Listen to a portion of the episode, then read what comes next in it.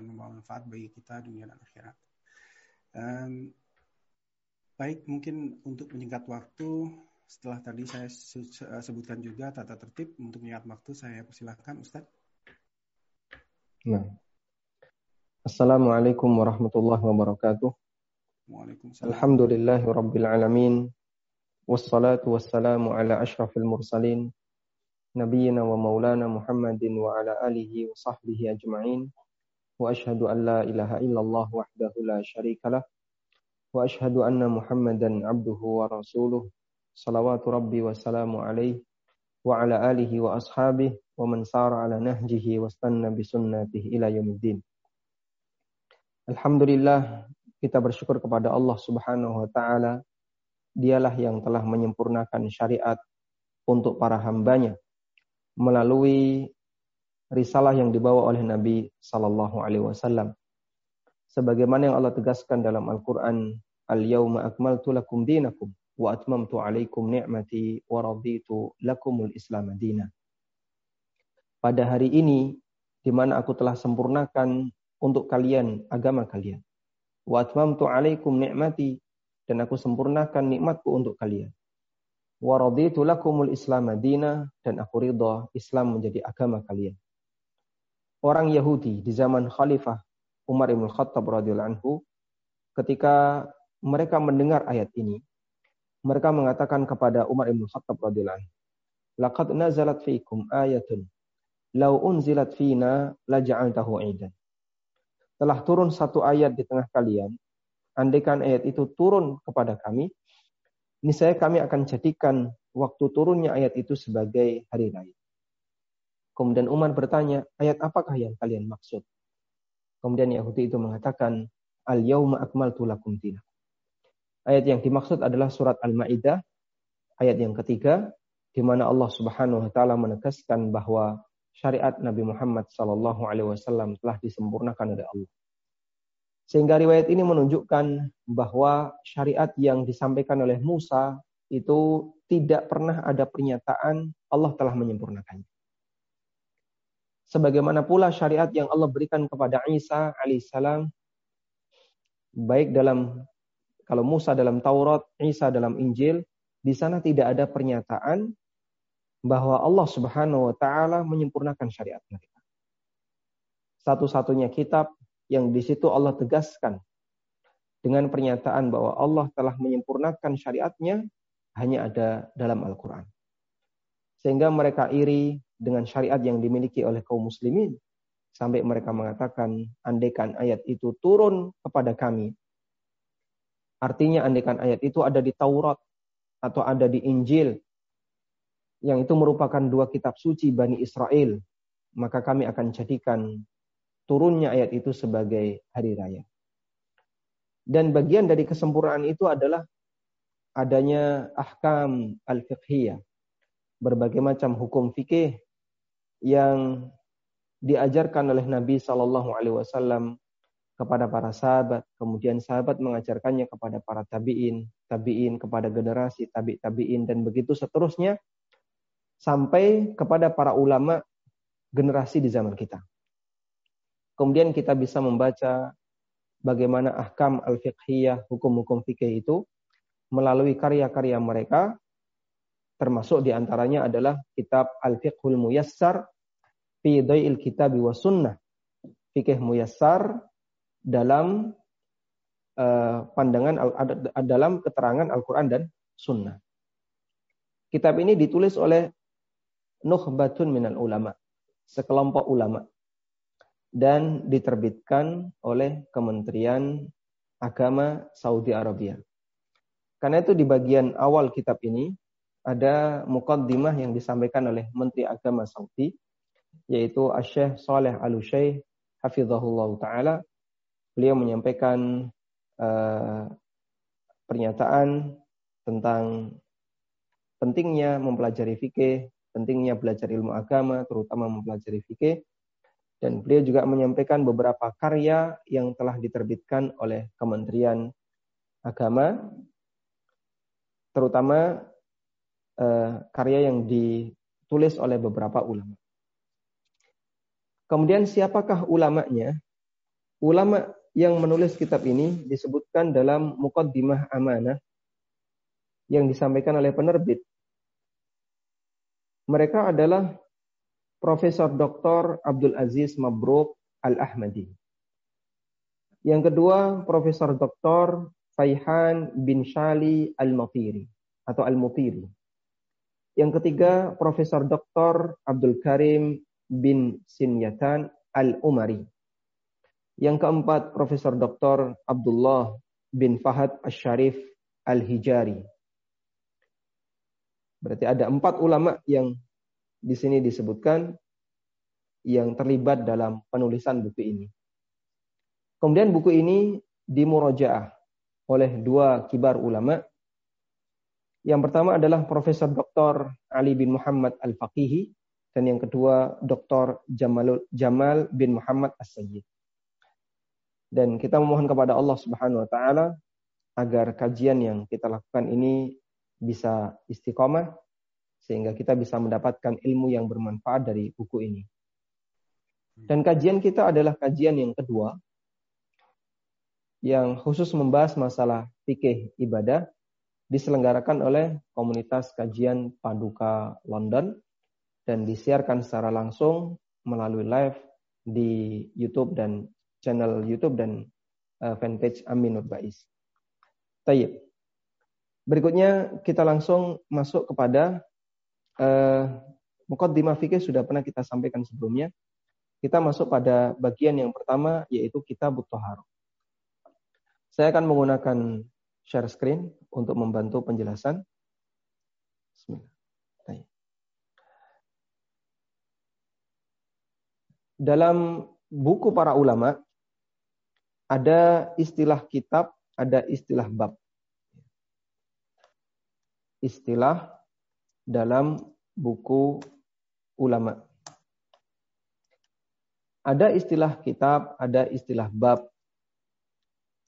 Kemudian ada istilah fasal. Ya. Kitab itu dalam bahasa kita sama dengan bab.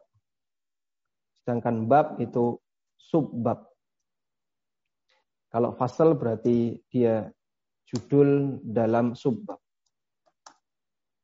Ya, kurang lebih tiga ini yang sering kita jumpai dalam buku-buku para ulama. Karena itu kalau di sini disebutkan kitab toharoh, maksudnya adalah bab tentang toharoh. Sehingga kalau kita membaca footnote, misalnya, hadis riwayat Bukhari dalam kitabul iman, itu maksudnya adalah hadis riwayat Bukhari dalam sahihnya, dalam kitab sahihnya di bab tentang iman. Nah, orang kalau tidak paham tentang istilah seperti ini kadang dia kebingungan. Hadis riwayat Bukhari di Kitabul Iman. Kitabul Iman tuh yang mana? Berarti Bukhari punya kitab banyak. Nanti kitab iman, kitab toharoh, kitab sholat, kitab. Padahal yang dimaksud adalah bab iman, bab sholat, bab toharoh, yang ada dalam Sahih Bukhari. Karena bab dalam istilah para ulama disebut dengan kitab. Kemudian eh, kitab Butohara berisi 10 bab. Di buku ini kitab Butohara berisi 10 bab. Bab yang pertama tentang ahkamu tohara wal miyah wa fihi iddatu masail. Di sini ada satu tambahan lagi yaitu masail. Masail ini berarti judul atau kasus gitu ya. Kasus yang disebutkan oleh penulis di bawah fasal. Dalam bab toharo atau dalam kitab toharo, penulis menyebutkan ada 10 bab. Kemudian dalam satu bab ada beberapa masail. Mas'alatul ula, kasus yang pertama terkait pengertian toharo dan penjelasan tentang pentingnya toharo serta pembagian toharo. Kemudian penulis menyampaikan bahwa toharo secara garis besar dibagi menjadi dua. Toharo ada dua. Yang pertama ada toharo maknawi dan yang kedua ada toharo hissi. Toharo maknawi artinya toharo abstrak. Dan yang dimaksud di situ adalah toharoh hati, kesucian hati. Karena perbuatan syirik itu perbuatan najis. Allah Subhanahu wa taala berfirman di surat At-Taubah ayat 28, "Innamal musyrikuna najasun." Sesungguhnya orang-orang musyrik itu najis. Orang musyrik disebut najis. Najisnya adalah najis abstrak. Karena fisik orang musyrik suci atau najis? Fisiknya suci. Apa dalilnya kalau fisik orang musyrik itu suci? Kita diizinkan lelaki muslim untuk menikahi wanita Nasrani atau wanita Yahudi. Dan yang namanya menikah pasti akan terjadi sentuhan badan. Sehingga nggak mungkin boleh menikahi wanita ahli kitab yang mereka juga musyrik karena mereka menyembah Yesus, menyembah Uzair. Mereka musyrik. Boleh menikahi wanita ahli kitab tapi nggak boleh disentuh.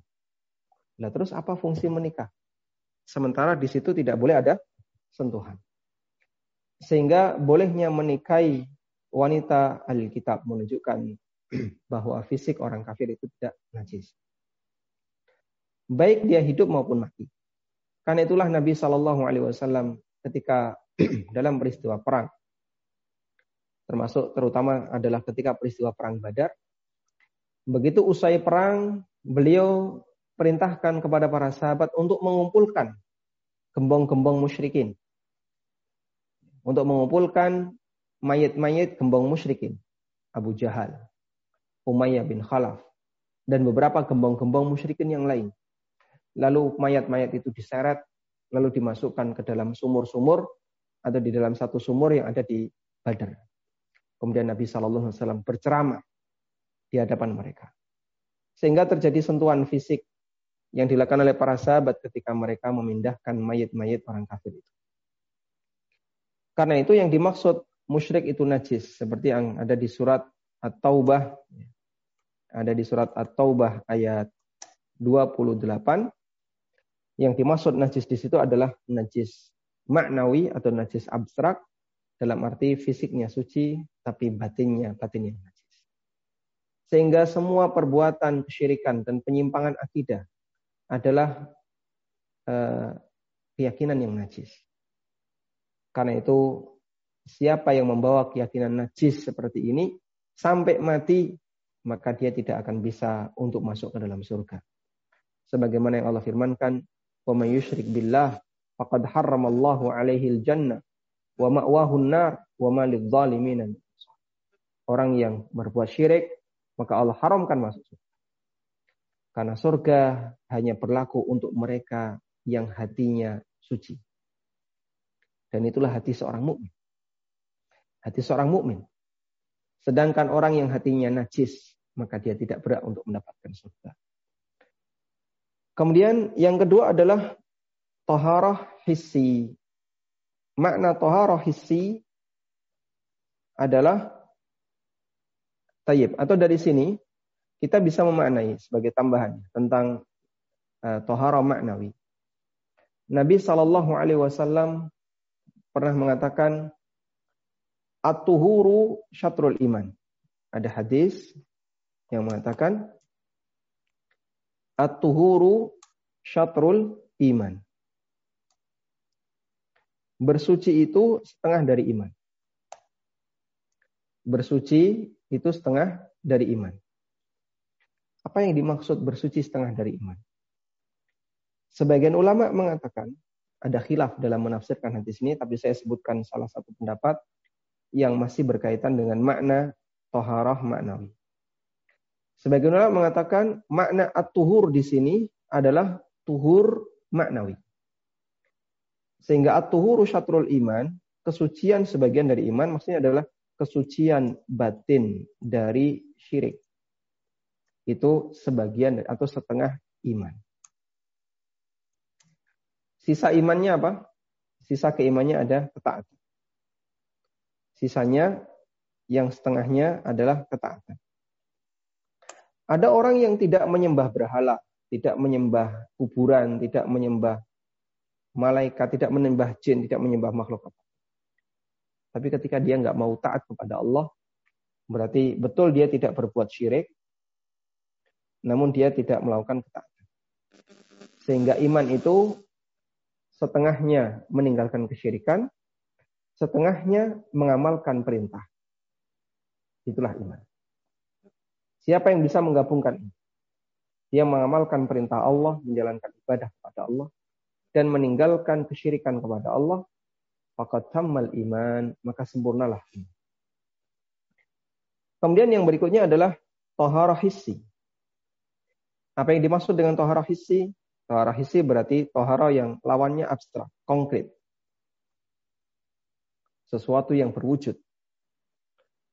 Beliau kasih istilah toharah hissi. Dan toharah hissi berarti kesucian fisik. Kesucian fisik ada dua. Yang pertama, suci dari najis. Yang kedua, suci dari hadas. Yang pertama, suci dari hadis, najis. Yang kedua, suci dari hadas. Dan di sini beliau sebutkan yang kedua adalah toharoh hissiyah, toharoh yang sifatnya konkret dalam secara makna istilah raf'ul hadasi wa zawalul khabas. Orang tidak mengalami hadas dan telah hilang al-khabas yaitu najis yang ada pada dirinya. Dan dua ini baik hadas maupun najis itu menjadi penghalang terbesar bagi orang untuk bisa melaksanakan ibadah yang dipersyaratkan ada tohar. Seperti sholat. Atau menurut sebagian ulama adalah tawaf. Sehingga kalau ada orang yang sholat membawa najis, hukumnya tidak boleh sebagaimana sholat dalam kondisi hadas, hukumnya tidak diperbolehkan. Tayyib. Ini masalah yang pertama. Kemudian beliau e, memberikan tambahan, keterangan tambahan untuk najis. Di situ ada tiga. Ya, ada tiga jenis najis. Ada najis berat, mughaladah. Tapi di sini tidak ada istilah mughaladah ya. Wal khabathu ala salasati anwa' najis ada tiga macam. Najis yang yang wajib dicuci, yang kedua najis yang wajib untuk diperciki, ya, disiram, dan yang ketiga adalah najis yang wajib untuk diusap. Najis ada tiga, yang wajib dicuci, yang wajib untuk disiram, dan wajib untuk diusap. Baik. Kita punya istilah yang lain, ada najis mughaladha, ada najis mutawasito dan ada najis mukhaffafa. Ya. Ada najis mughaladhah, mutawasito dan najis mukhaffafa. Istilah ini sudah cukup umum, sering kita dengar, apalagi bagi Anda yang uh, pernah belajar di madrasah. Insya Allah istilah ini bukan sesuatu yang baru. Baik, alhamdulillah.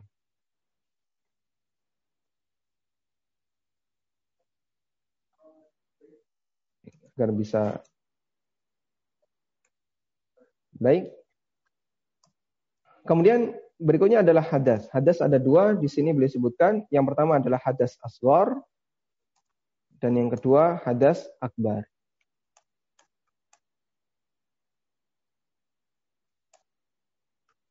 Insya Allah ini bukan satu yang asing, kita sudah sering mendengarnya.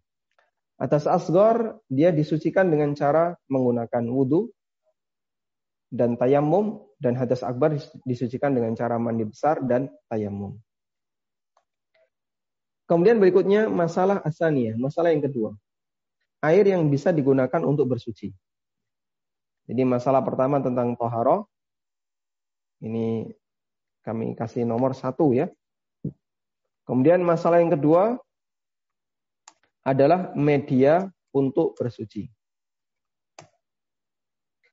Al-ma'ul ladzi tahsulu bihi tahar. Media untuk bersuci. Media untuk bersuci itu ada dua. Yang pertama adalah air dan yang kedua tanah. Yang diistilahkan oleh sebagian ulama ada uh, media asal. Media asal. dan ada yang kedua adalah media badal, media pengganti. Ada media asal dan ada media badal. Ini artinya pengganti. Media asal, media asal adalah air, sedangkan media pengganti adalah tanah. Baik. Dan secara kaidah tidak boleh menggunakan media badal kecuali jika tidak bisa menggunakan media asal. Ini kaidah. Tidak boleh menggunakan media batal, media badal kecuali jika tidak bisa menggunakan media asal. Tanya. Jika ada orang yang dia bisa menggunakan media asal, tapi dia tidak menggunakannya, tapi malah memilih ke badal, maka toharonya batal. Ini kaidah. Tayamum padahal dia dia masih bisa menggunakan air, maka toharonya batal. Nah, di sini penulis menyebutkan tentang macam-macam air. Tentang media asal. Kita akan bahas terlebih khusus uh, tentang macam-macam air.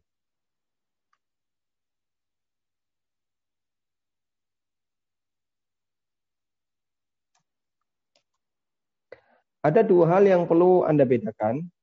Ada air, ada zat cair. Kalau air dalam istilah fikih disebut dengan alma al-mutlak.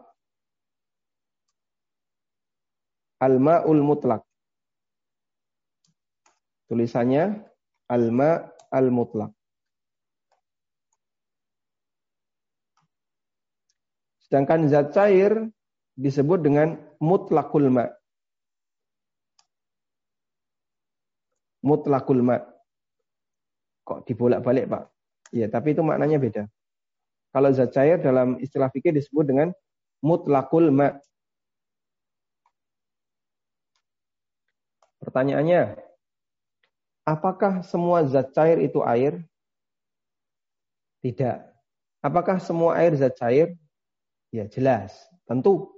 Baik. Terus yang boleh dipakai untuk wudhu yang mana?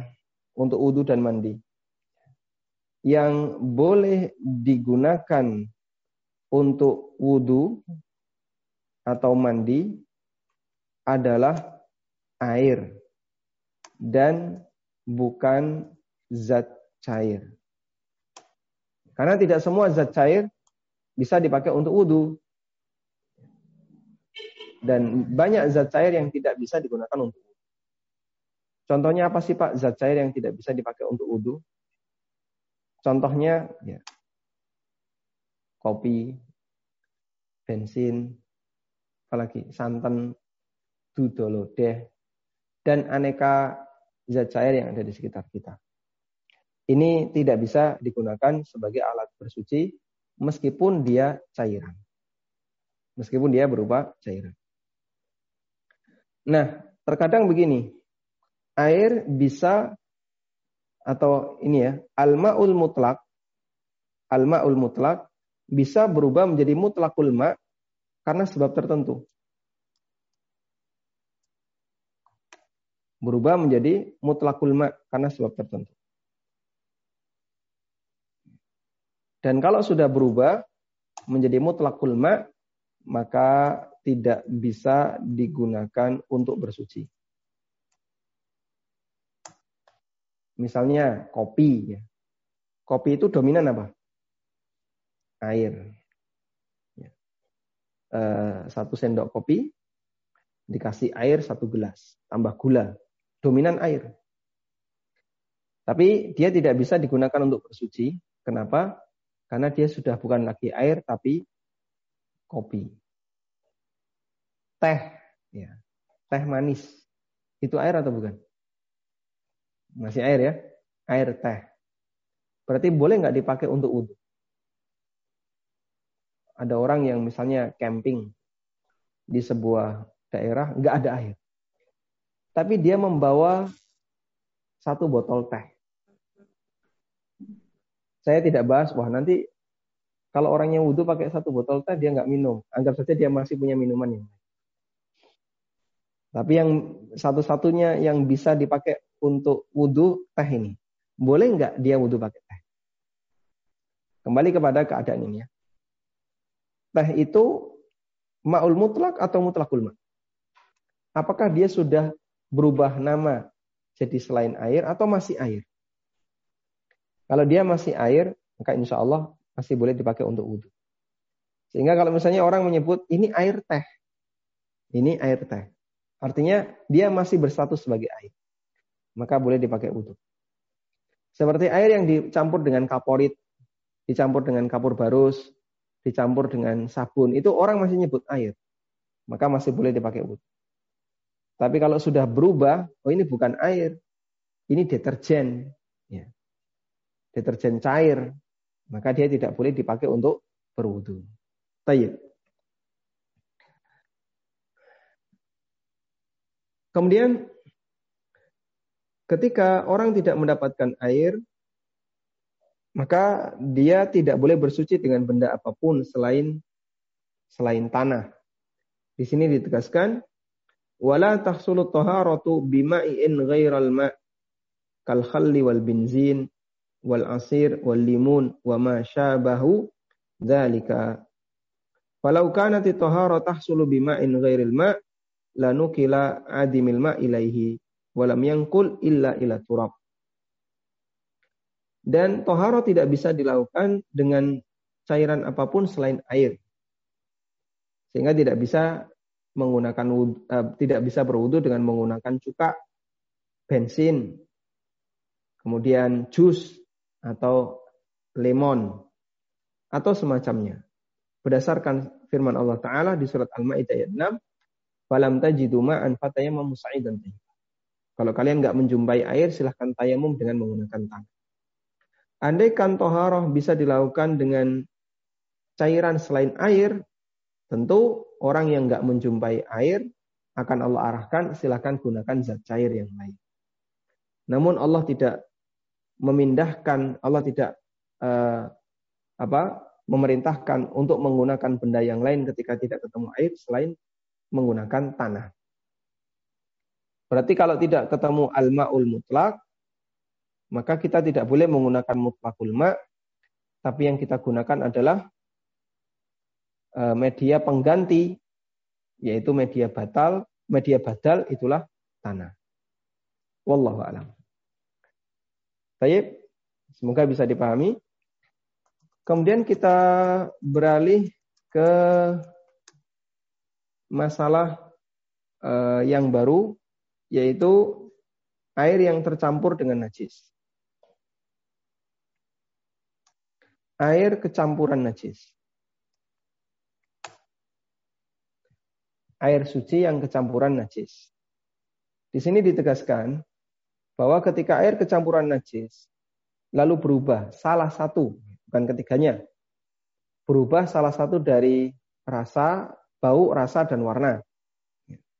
Air kecampuran najis kemudian berubah salah satu dari bau, rasa, dan warna. Maka statusnya jadi najis. Statusnya jadi najis. Dan di sini ditegaskan bil ijma berdasar ijma. Dan ijma itu dalil. Ijma itu termasuk dalil. Apa dalil bahwasanya ijma adalah dalil? Dalilnya adalah firman Allah Ta'ala, Fa in tanaza'tum fi syai'in faruddu ilallahi wa rasul in kuntum tu'minuna billahi wal yaumil akhir. Kalau kamu beda pendapat dalam satu masalah, maka kembalikanlah kepada Allah dan Rasulnya kalau kalian beriman kepada Allah dan hari akhir. Sehingga begini, jika terjadi perbedaan pendapat, Allah perintahkan kembalikan kepada Allah dan Rasul.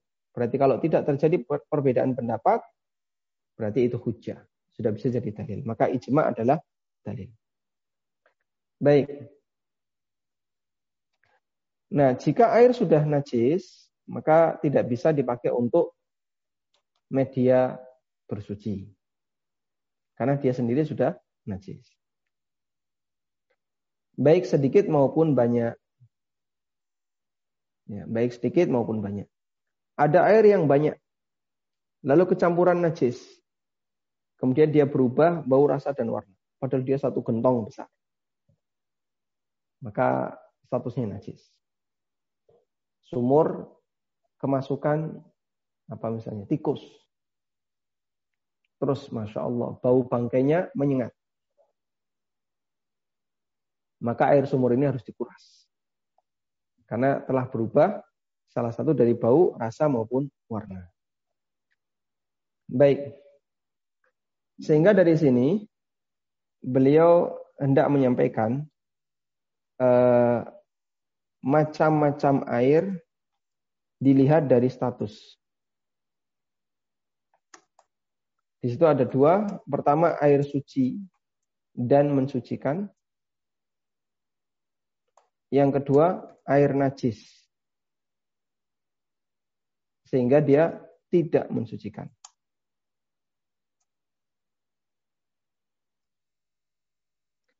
Karena Benda najis tidak boleh dipakai untuk membersihkan najis. Sehingga tidak bisa dipakai untuk wudhu dan tidak bisa dipakai untuk bersuci. Ada kaidah tidak boleh menyiram najis dengan najis. Ya, percuma saja. Kalau najis disiram dengan najis, berarti najisnya enggak hilang. Najis pertama pergi, datang najis kedua. Nah, kan sama saja. Sudah? Kemudian ada pembagian yang umum dalam madhab syafi'iyah, ya. tapi ini tidak disetujui oleh madhab hambali. Sementara buku yang kita pelajari ini lebih dekat ke arah madhab hambali. Air suci yang tidak mensucikan.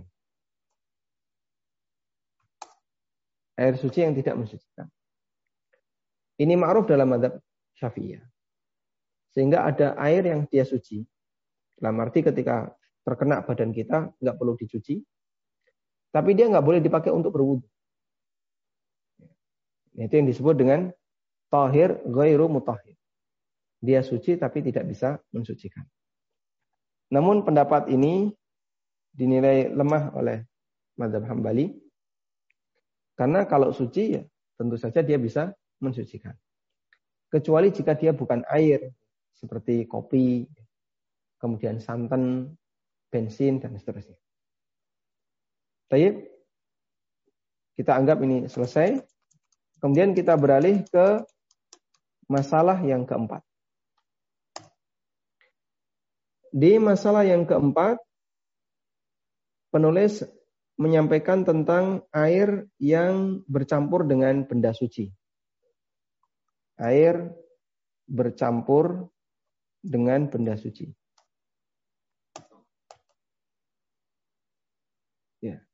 Seperti dedaunan, ya. kemudian sabun, termasuk juga uh, daun bidara, termasuk odol dan seterusnya. Fasahihu annahu tahurun yajuzu tatahuru bihi. Pendapat yang benar boleh dipakai untuk bersuci. Dan boleh dipakai untuk menghilangkan najis. Ya. Sehingga air yang bercampur dengan benda suci, statusnya tetap suci, dan masih bisa dipakai untuk bersuci. Baik, karena sebenarnya air yang bercampur dengan benda suci itu kan berarti suci tambah suci. Jadinya tambah suci. Suci plus suci jadinya suci. Sehingga tetap bisa dipakai untuk eh, mandi, bisa dipakai untuk bersuci, wudhu, dan seterusnya. Nah, penulis menyampaikan dalil bahwa air bercampur benda suci tetap suci.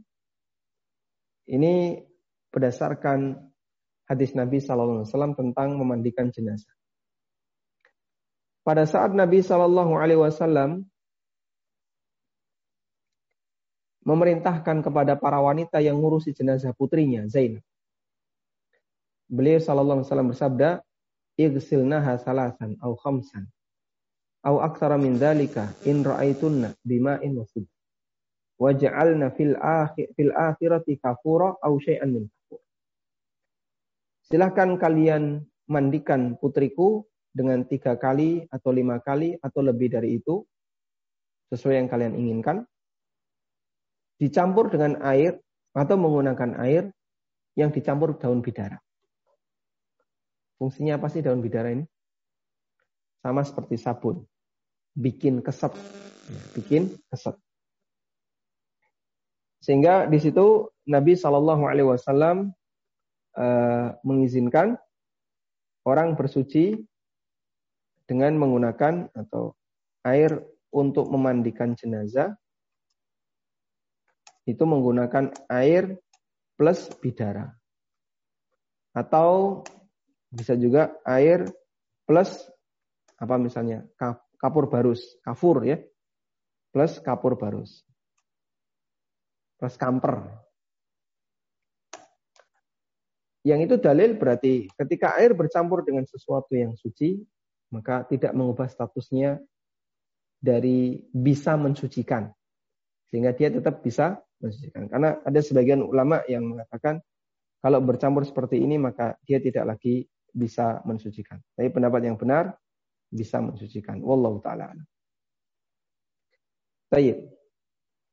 Selanjutnya uh, tentang air mustakmal. Air mustakmal.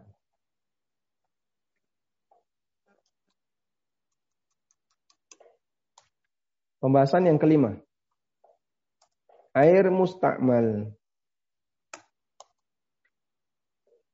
Air mustakmal menurut Syafi'iyah tidak mensucikan. Suci tapi tidak mensucikan. Menurut Syafi'iyah salah satunya adalah air mustakmal. Apa yang dimaksud dengan air mustakmal? Air mustakmal adalah air yang sudah tersentuh badan.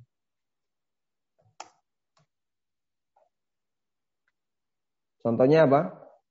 Orang yang wudhu maka air yang tersentuh badannya anggota wudhu jatuh. Ya. Air yang tersentuh badan di anggota wudhu ini namanya air mustakmal. Dulu ya waktu kita sholat dilanggar, sholat boleh nggak dilanggar? Boleh. Waktu kita sholat di musola, waktu saya kecil, di musola dekat rumah saya itu ada kolah besar sekali menyebutnya kolah. Ya. Kenapa disebut kolah? Karena harus dua kula. Disebut kolah. Ya.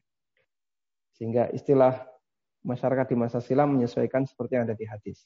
Idza balagal ma'u kullatain jika air itu sudah memenuhi dua kulah lam yahmil al khabas maka uh, najis nggak ngefek di situ. Kolah besar sekali ya. Bisa dipakai untuk renang. Mungkin ukurannya berapa tuh? Sekitar 4 kali 3, gede. Nah, mereka ketika wudhu, ya, disediakan gayung-gayung kecil gitu ya. Mereka ketika wudhu berjejer itu, wudhu, wah sambil balik lagi gitu. Ngus, apa mencuci muka, balik lagi jatuh. Cuci tangan, balik lagi jatuh. Nah, itu air mustakmal yang dikumpulkan. Nah, saya juga nggak tahu kenapa dilakukan seperti ini waktu kecil. Dan pemilik musolahnya eh, termasuk guru ngaji saya, beliau Nahdien orang NU. Guru-gurunya yang lain juga banyak NU. Padahal dalam madhab syafi'i, air mustakmal itu tidak mensucikan. Ya, suci tapi tidak mensucikan. Ini dalam madhab syafi'i. Sehingga air mustakmal tidak bisa dipakai untuk berwudu. Meskipun dia suci. Cuci dalam arti misalnya dipakai untuk selain wudhu, untuk cuci tangan atau apa sih lah. Tapi tidak bisa dipakai untuk wudhu. Namun pada prakteknya kayak gitu. Di masjid dekat rumah juga sama. Kran bawahnya ditadai. Nah, bawahnya ditadai. Sehingga orang ketika cuci muka jatuh ke situ, cuci tangan jatuh ke situ. Nanti di ujung dia cuci kaki. Jadi pindah dari keran itu di ujung cuci kaki. Pakai air yang ditampung tadi. Tayyib. Dalam madhab hambali, air mustakmal itu suci dan mensucikan. Ya. Air mustakmal suci dan mensucikan. Ini dalam madhab hambali. Dan penulis membawakan beberapa dalil di sini. Di antara dalil bahwa air mustakmal itu suci dan mensucikan. Nabi Shallallahu Alaihi Wasallam ketika berwudu maka para sahabat berebut ya, untuk nadai air wudhu beliau. Ya. Sehingga beliau cuci muka, kena jenggotnya itu ditadai. Terus diusap-usapkan. Ketika beliau cuci tangan, ditadai, terus diusap-usapkan. Hatta kadu yaktatilun. Sampai hampir saja mereka itu berantem. Ya, mungkin sikut-sikutan. Ya. Karena rebutan. Dan tempatnya kan sempit. Sehingga mungkin dorong-dorongan. Ada yang kedesak. Dan dan itu dilakukan oleh para sahabat dalam rangka untuk tabarruk. Hanya khusus Nabi SAW, wafatnya beliau itu tidak lagi dilakukan. Maka tidak ada cerita seperti ini untuk Abu Bakar maupun Umar. Demikian pula Nabi Shallallahu Alaihi Wasallam bersama para istrinya, mereka mandi bareng. Beliau mandi bareng dengan Fatimah, mandi bareng dengan eh, mandi bareng dengan Aisyah, mandi bareng dengan Ummu Salamah. Dan Aisyah pernah cerita, ya, kami mandi dalam satu wadah. Maksudnya gimana Pak? Apa betap? Masya Allah, beliau tidak punya betap ya. Terus mandi dalam satu wadah itu maksudnya gimana? Ya, satu wadah berisi air dipakai untuk mandi, dicidui pakai tangan. Dicidui pakai tangan, diciprat-cipratkan pakai tangan. Karena dulu tidak seperti kita, gayung ada di mana-mana, mudah untuk mendapatkannya. Sehingga dulu orang punya ember tapi nggak punya gayung. Lalu ketika mandi ya diciprat-cipratkan. Aisyah mengatakan kami gantian ketika mengambil. Berarti ketika Aisyah mengambil air itu, tangan Aisyah nyelup. Kemudian dipakai untuk nyiram badannya. Artinya apa? Ini air mustakmal. Dan Nabi SAW menggunakannya untuk mandi. Sehingga di sini disampaikan oleh penulis, beliau mandi atau wudhu dengan menggunakan air yang dipakai bersama istrinya. Wa mislu hadza la yaslam min rasyasi yaqa'u fil ma'i minal musta'mal. Dan seperti ini tidak mungkin bisa terhindar dari uh, apa bersentuhan badan sehingga pasti mengalami kondisi air mustakmal. Wallahu alam. Karena itulah jika air uh, apa sudah tersentuh badan manusia, dan maka statusnya tetap suci dan bisa mensucikan. Wallahu a'lam. Ini pembahasan yang kelima. Kemudian pembahasan yang keenam.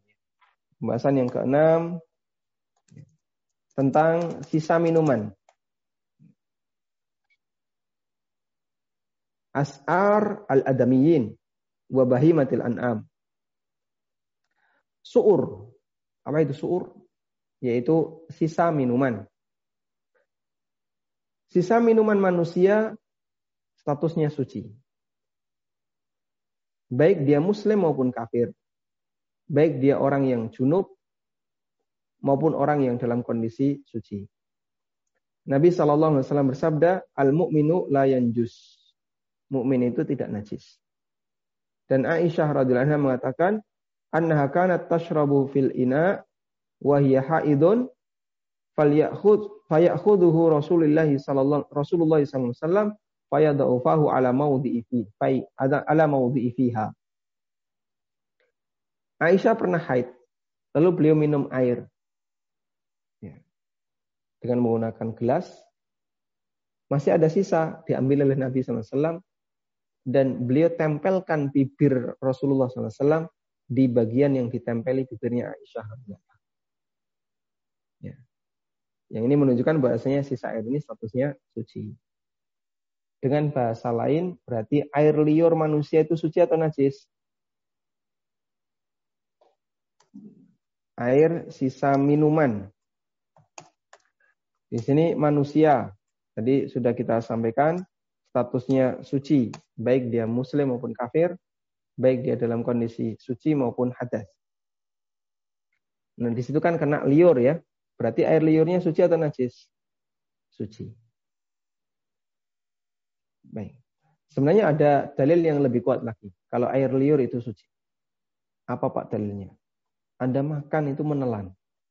Dan pasti kena kecampuran air liur. Kalau enggak sereden, ya. Kalau enggak pasti enggak bisa ditelan. Sehingga kita misalnya ngunyah kerupuk. Kalau tanpa air liur, kita enggak bisa nelan. Karena kering. Nah, dengan adanya air liur kita bisa menelan. Kemudian yang kedua adalah air sisa minuman suur. Yang kedua adalah suur binatang. Untuk binatang yang halal dimakan. Suur binatang yang halal dimakan. Statusnya suci dengan sepakat ulama. Yang kedua, binatang yang haram dimakan.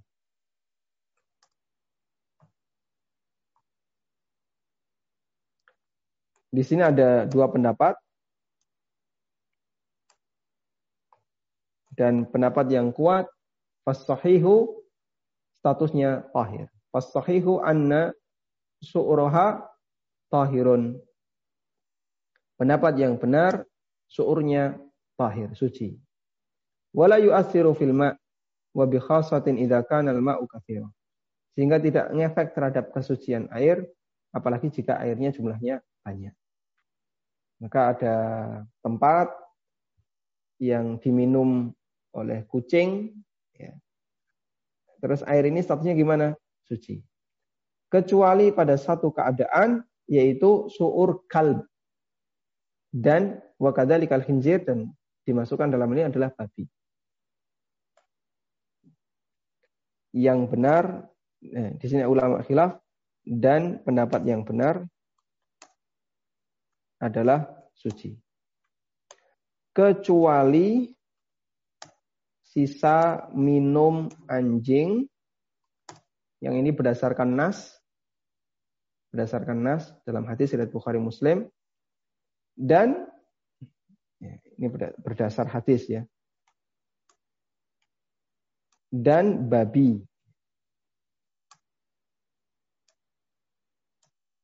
Yang ini berdasar kias. Nah, ada sebagian ulama yang mengkiaskan jika sisa minum anjing statusnya najis, maka babi juga najis. Kenapa? Karena babi itu lebih jelek dibandingkan anjing. Ya, lebih najis dibandingkan anjing. Ini berdasarkan kias. Baik. Dan untuk yang ketiga ini, sisa minuman anjing, jika mau dibersihkan, maka airnya dibuang, kemudian wadahnya dicuci sebanyak tujuh kali, salah satunya menggunakan tanah. Wallahu ta'ala alam. Demikian yang bisa kita sampaikan. Semoga bermanfaat. Sahbihi wa sallam wa akhiru da'wana alhamdulillah. Alhamdulillah. Jazakallah khair. Eh, masih ada waktu untuk beberapa pertanyaan Ustaz? Apa, masih ada waktu untuk beberapa pertanyaan saja Ustaz? Baik, silakan Bapak. Uh, yang pertama saya share screen ya Ustaz. Silakan.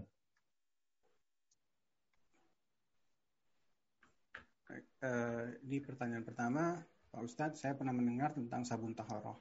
Sabun yang katanya terbuat dari kandungan tanah 90% dan sisanya zat-zat lain. Apakah boleh membersihkan najis, misalnya jilatan anjing dengan sabun taharoh? Masya Allah. Kreatif nih. Baru pertama kali saya mendengar ini. Oh gitu. Sabun toharoh. Nah. Ya. Kalau uh, sabun janda saya pernah dengar. Pernah dengar bang? Oh enggak, enggak. Masya Allah ya. Lu ada ya. Jadi wanita yang sedang mengalami iddah itu kan tidak boleh menggunakan wangian. Oke. Okay. Terus kalau sabunan gimana? Kalau sabunan berarti dia harus menggunakan yang tidak berbau.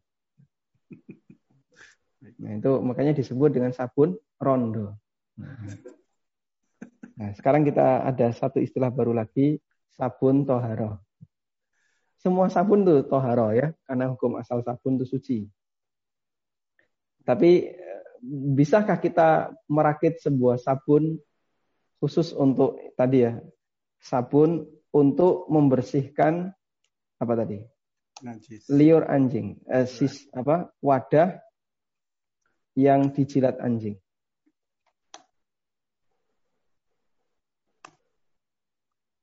Wallahu taala alam. Kalau kita lihat hadisnya, coba dilihat hadisnya ya. Kalau kita lihat hadisnya di masalah yang kelima tadi yang sudah dibahas oleh penulis. Nabi Shallallahu Alaihi Wasallam pernah bersabda,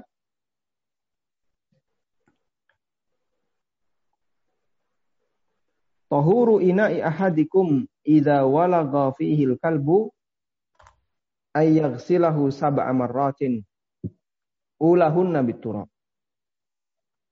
Tuhuru inai ahadikum. Yang lebih tepat dibaca tuhuru, bukan tahuru. Tuhuru inai ahadikum. Cara mensucikan wadah kalian. Di sini hadisnya bunyinya kayak gini ya. Cara mensucikan wadah yang dijilati anjing ketika minum. Ketika minum. Adalah dicuci tujuh kali. Ya. Ayyugsilahu sab'a amaratin. Yang pertama menggunakan tanah. Kalimatnya kayak gini. Berarti unsur tanah itu dilibatkan berapa kali? Sekali, yaitu di depan. Sedangkan uh, lanjut-lanjutannya air, air gosok siram, air gosok siram. Dan gosoknya bisa menggunakan tangan, bisa menggunakan apa benda-benda yang lain. Dicuci sebanyak tujuh kali. Baik, maka tidak perlu menggunakan sabun seperti ini yang saya pahami karena nanti jadinya ketika dia tadi dinyatakan dalam pertanyaan 90% unsurnya adalah tanah. Berarti tanah itu dipakai selama tujuh kali. Padahal teks hadisnya dia dipakai sekali bagian yang pertama. Baik, saya eh, coba saya seriusi bagian ini, tapi dan kayaknya nggak ada pembahasan tentang ini, tahu saya. Cara menghilangkan ini, please move this Windows. Caranya gimana? Ada Windows ya. Hilang ya? Hilang sendiri. Muncul Ber lagi. Bergerak lagi, apa mouse-nya keluar lagi. Ini apa Pak ini? Kurang tahu ini di, dari sana. Dari kemarin ada kayak gini. Baik. Kita lanjutkan. Ya, nggak apa-apa Ustaz bisa lihat kita, insya Allah. Bisa lihat ya? Bisa, bisa. Jadi untuk kasus uh, liur anjing. Najisnya liur anjing. Ulama berbeda pendapat dalam masalah ini. Ada yang mengatakan uh, liur anjing najis berat, najis mughaladah, najis berat dalam semua keadaan. Dalam semua keadaan. Sehingga benda apa pun yang kena liur anjing, maka dia harus dicuci tujuh kali. Ini konsekuensinya, benda apa pun yang terkena liur anjing harus dicuci tujuh kali. Ini yang pertama. Pendapat yang kedua, liur anjing yang statusnya najis berat hanya ya, kita tuliskan hanya untuk kasus anjing yang menjilati wadah berisi air anjing yang menjilati wadah berisi air ketika minum.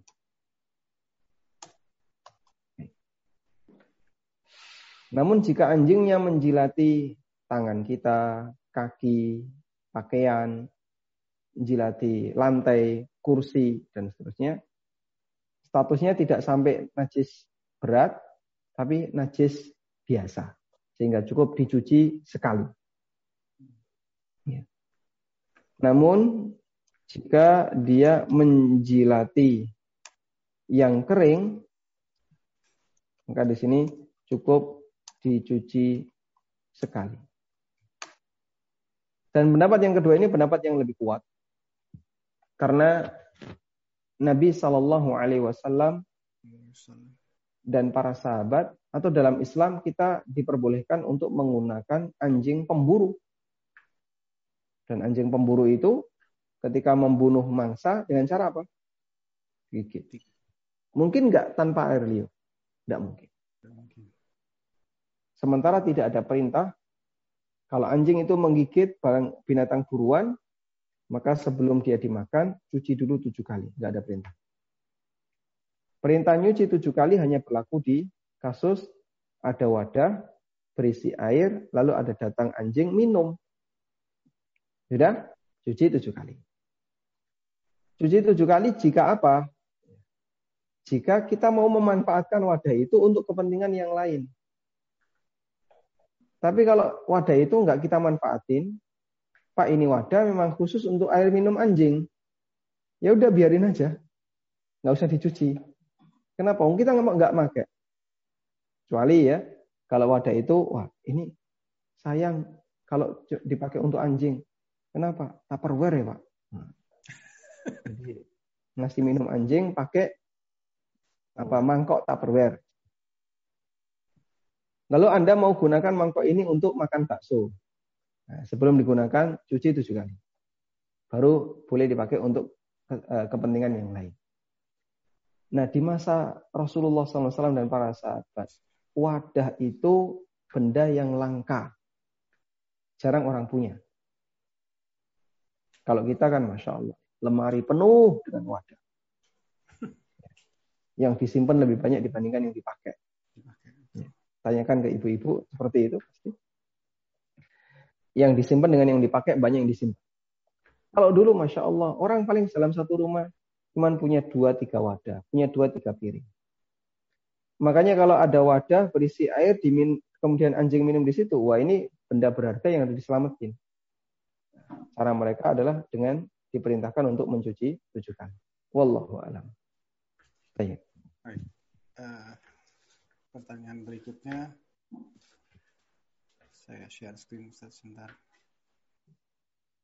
Pertanyaan berikutnya adalah ini Ustaz. Pak Ustaz, apabila ada seorang istri dari alul kitab yang belum bersuci dari hadas besar, bolehkah suami yang beragama Islam mengumpuli istri ini?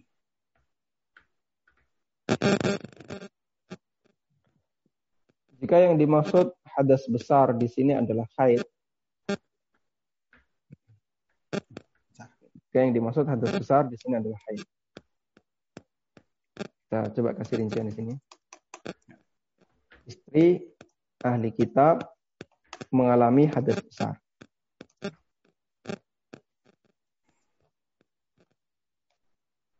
Jika yang dimaksud hadas besar di sini adalah haid.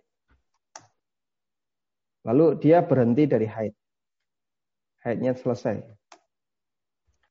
Maka sebelum dia mandi, haram hukumnya bagi suami untuk menggauli. Sebelum mandi, haram untuk menggauli. Haram untuk hubungan badan. Apa dalilnya? Allah Ta'ala berfirman dalam Al-Quran, فَإِذَا تَطَهَرْنَا فَأْتُهُنَّ مِنْ حَيْثُ amarakumullah.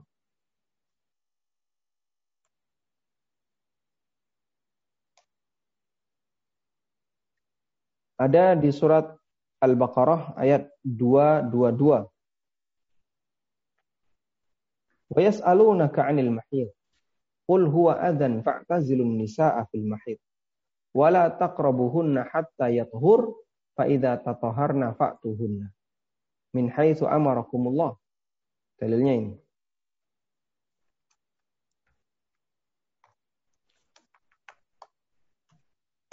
Coba diperhatikan ya. Anda bisa lihat di share screen. Jauhilah wanita di tempat haidnya. Dan jangan kalian mendekatinya hatta yathur sampai dia suci. Fa'idha tatoharna, kalau dia sudah bersuci, fa'tuhunna maka datangi. Nah di sini ada dua kata toharoh yang berdekatan. Yang pertama hatta yathurna. Yang ini maknanya adalah sampai selesai haid. Ketika selesai haid, berarti dia sudah selesai dari hadas besar. Faida tatoharna, yang kedua adalah faida tatoharna, apabila dia telah bersuci, yaitu mandi. Faktuhunna, maka silahkan kalian datangi istrinya. Sehingga eh, jika apa hadasnya adalah hadas besar, dia belum mandi, hadas besarnya berupa haid, maka haram bagi suami yang muslim untuk mendatangi. Yang kedua, hadas besarnya adalah hadas besar junub. Selesai hubungan. Lalu suami sudah mandi. Misalnya junubnya malam, hubungannya malam, terus subuh suami mandi. Setelah subuh istrinya belum mandi. Ahli kitab nggak sholat subuh ya. Boleh nggak si lelaki ini mendatangi lagi uh, istrinya, sementara dia belum mandi junub? Jawabannya diperbolehkan. Sebelum mandi boleh uh, hubungan badan. Kenapa? Karena dalam mengulang hubungan badan tidak disyaratkan harus sudah mandi. Dan ini berlaku bagi, baik bagi lelaki maupun wanita. Sehingga bagi seorang lelaki selesai melakukan hubungan badan, lalu dia misalnya eh, tertidur, terus bangun melakukan hubungan badan lagi, padahal dia belum mandi. Hukumnya diperbolehkan. Wallahu a'lam. Baik, terima kasih Ustaz. Um, ini ada dua pertanyaan sisa eh pertanyaan sisa. Ada dua pertanyaan lagi Ustaz. Uh, baik, ini pertanyaan ini apakah boleh bertayamum dengan tanah di pot bunga seandainya tidak ada tanah darat? Boleh selama itu unsur bumi. Bolehkah bertayamum dengan tanah di pot bunga? Jawabannya boleh selama itu unsur bumi. Sehingga tidak masalah tanah yang dibawa di lantai tujuh misalnya ada orang yang tinggal di apartemen lantai sekian, dia nggak bisa uh, menyentuh tanah di darat, maka dia boleh menggunakan tanah yang ada di ruangan itu. Kalau sudah kena, uh, misalnya sudah kena pupuk, itu Ustaz nggak apa-apa juga ya? Boleh? Ya, yang penting tidak bahaya. Tidak bahaya. Kalau tanahnya kena pupuk, terus dipakai untuk ngusap tangan, kemudian tiba-tiba tangannya hilang, nah itu bahaya. okay. Jadi kalau nggak sampai berbahaya, nggak apa-apa. Uh, pertanyaan terakhir ini Ustaz uh, untuk hari ini insya Allah. Assalamualaikum Ustaz. Waalaikumsalam Ustaz banyak beberapa banyak beberapa tempat wudhu yang didahului parit air kecil agar kaki-kaki sebelum masuk ke tempat wudhu terbasuh air. Kadang parit-parit tersebut airnya mengalir, tapi banyak yang hanya tergenang. Sehingga saat kita selesai berwudhu, kembali terkena air yang terlihat kotor. Apakah wudhu ini masih sah? Orang yang selesai berwudu kemudian kena najis, wudunya tidak batal. Tapi kalau dia mau sholat, najis itu harus dia bersihkan. Itu kalau terkena najis. Apalagi jika hanya terkena kotoran yang bukan najis. Misalnya selesai wudhu, kemudian nyentuh tanah, ya, tanahnya kotor. Apakah dia harus mengulang wudhu? Jawabannya tidak. Cukup dia cuci tangan, selesai. Selesai wudhu, dia apa misalnya beres-beres sampah terkena kotoran, maka dia tidak perlu ngulang wudhu, cukup cuci tangan, selanjutnya dia boleh sholat. Sehingga uh, ketika selesai wudhu lalu dia balik lagi lewat kolam kecil tadi dan ternyata airnya menggenang dan kadang kotor. Uh, sementara nggak ada jalan lain kecuali lewat itu, uh, maka wudhu kita tidak batal. Ya. Meskipun kita kadang merasa jijik. Makanya desain seperti ini jadinya malah membuat orang tidak tidak nyaman. Saya tidak tahu ya maksudnya seperti apa. Andaikan masuk nyemplung, keluar tidak nyemplung, pintu yang berbeda, itu bagus. Ya. Masuknya masuk kolam. Ketika masuk tempat wudhu, cuci kaki di kolam. Terus wudhu, selesai wudhu, dia lewat di tempat yang berbeda, dari pintu yang berbeda. Insya Allah itu jauh lebih bagus. Karena jadinya dia tidak lagi mengulang kotoran yang tadi uh, sudah dia bersihkan di kolam Wallahu a'lam. Uh, Afwan Ustaz, ini ada uh, yang bertanya tadi tentang sabun toharoh. Saya saya bukan promosi tapi saya share bentuk bentuk sabunnya mungkin boleh Ustaz? Silahkan. Oh, sebentar saya buka tadi. Oke. Oh, sebentar, sebentar, maaf. Sudah terbuka nih. Saya, oh, begini, uh, nih, oke. Okay. Maaf ini, saya agak gaptek namanya. Ini bentuk bentuknya kurang lebih seperti ini, Ustaz. Mohon maaf, ini di Amerika rupanya dijual. Jadi uh, bukan di Indonesia. Nah, uh, yang bertanya bertanya uh, tadi ingin diperjelas saja mungkin Ustaz, apakah diperbolehkan menggunakan sabun ini untuk menghilangkan eh, najis dari anjing, jilatan anjing, terutama ke tubuh manusia ya? Atau? Nah. Wallahu alam. Sertu sama itu apa, Pak?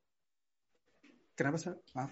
Ada itu, istilah sertu sama. sama. Itu mereknya mungkin, Ustaz itu hmm. mungkin dari ini merek atau Forcer itu sama nggak tahu ini bahasa dari ini dari Amerika ini.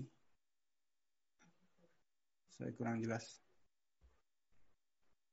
Asal Wallahu alam. Uh,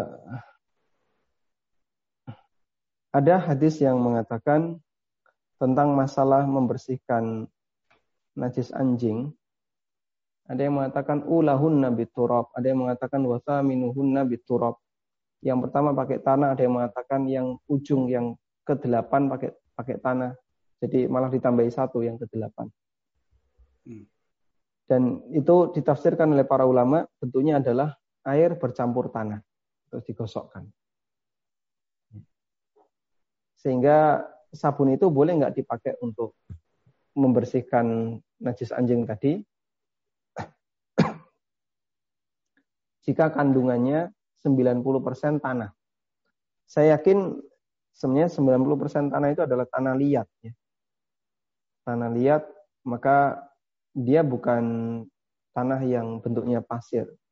Kalau tanah liat ketika digosokkan nanti seperti apa? Kita ngecat dinding menggunakan tanah liat.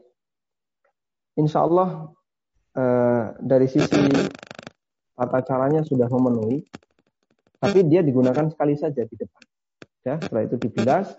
Kemudian untuk yang keenam berikutnya cukup disiram, kemudian digosok pakai tangan, siram, gosok pakai tangan sebanyak enam kali. Wallahu a'lam. Baik. Mungkin uh, ini uh, koreksi sekedar koreksi itu dari Malaysia Ustaz, bukan dari Amerika. Uh, maaf. Jadi yang dengan demikian ini pertanyaan terakhir mungkin Ustaz untuk hari ini.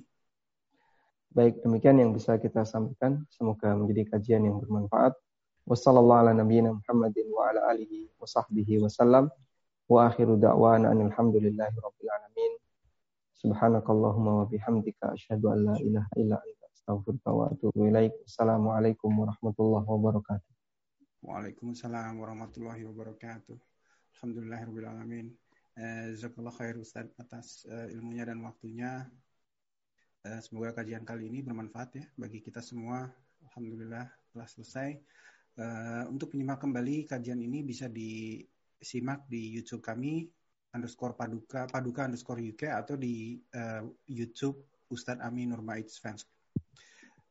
Kami mohon uh, ya ada beberapa pertanyaan yang belum tertanyakan, insya Allah di lain kesempatan kita tanyakan. Kami mohon maaf jika ada kekurangan dan kesalahan. Barakallahu fikum. Wabillahi taufiq wal hidayah. Wassalamualaikum warahmatullahi wabarakatuh. No,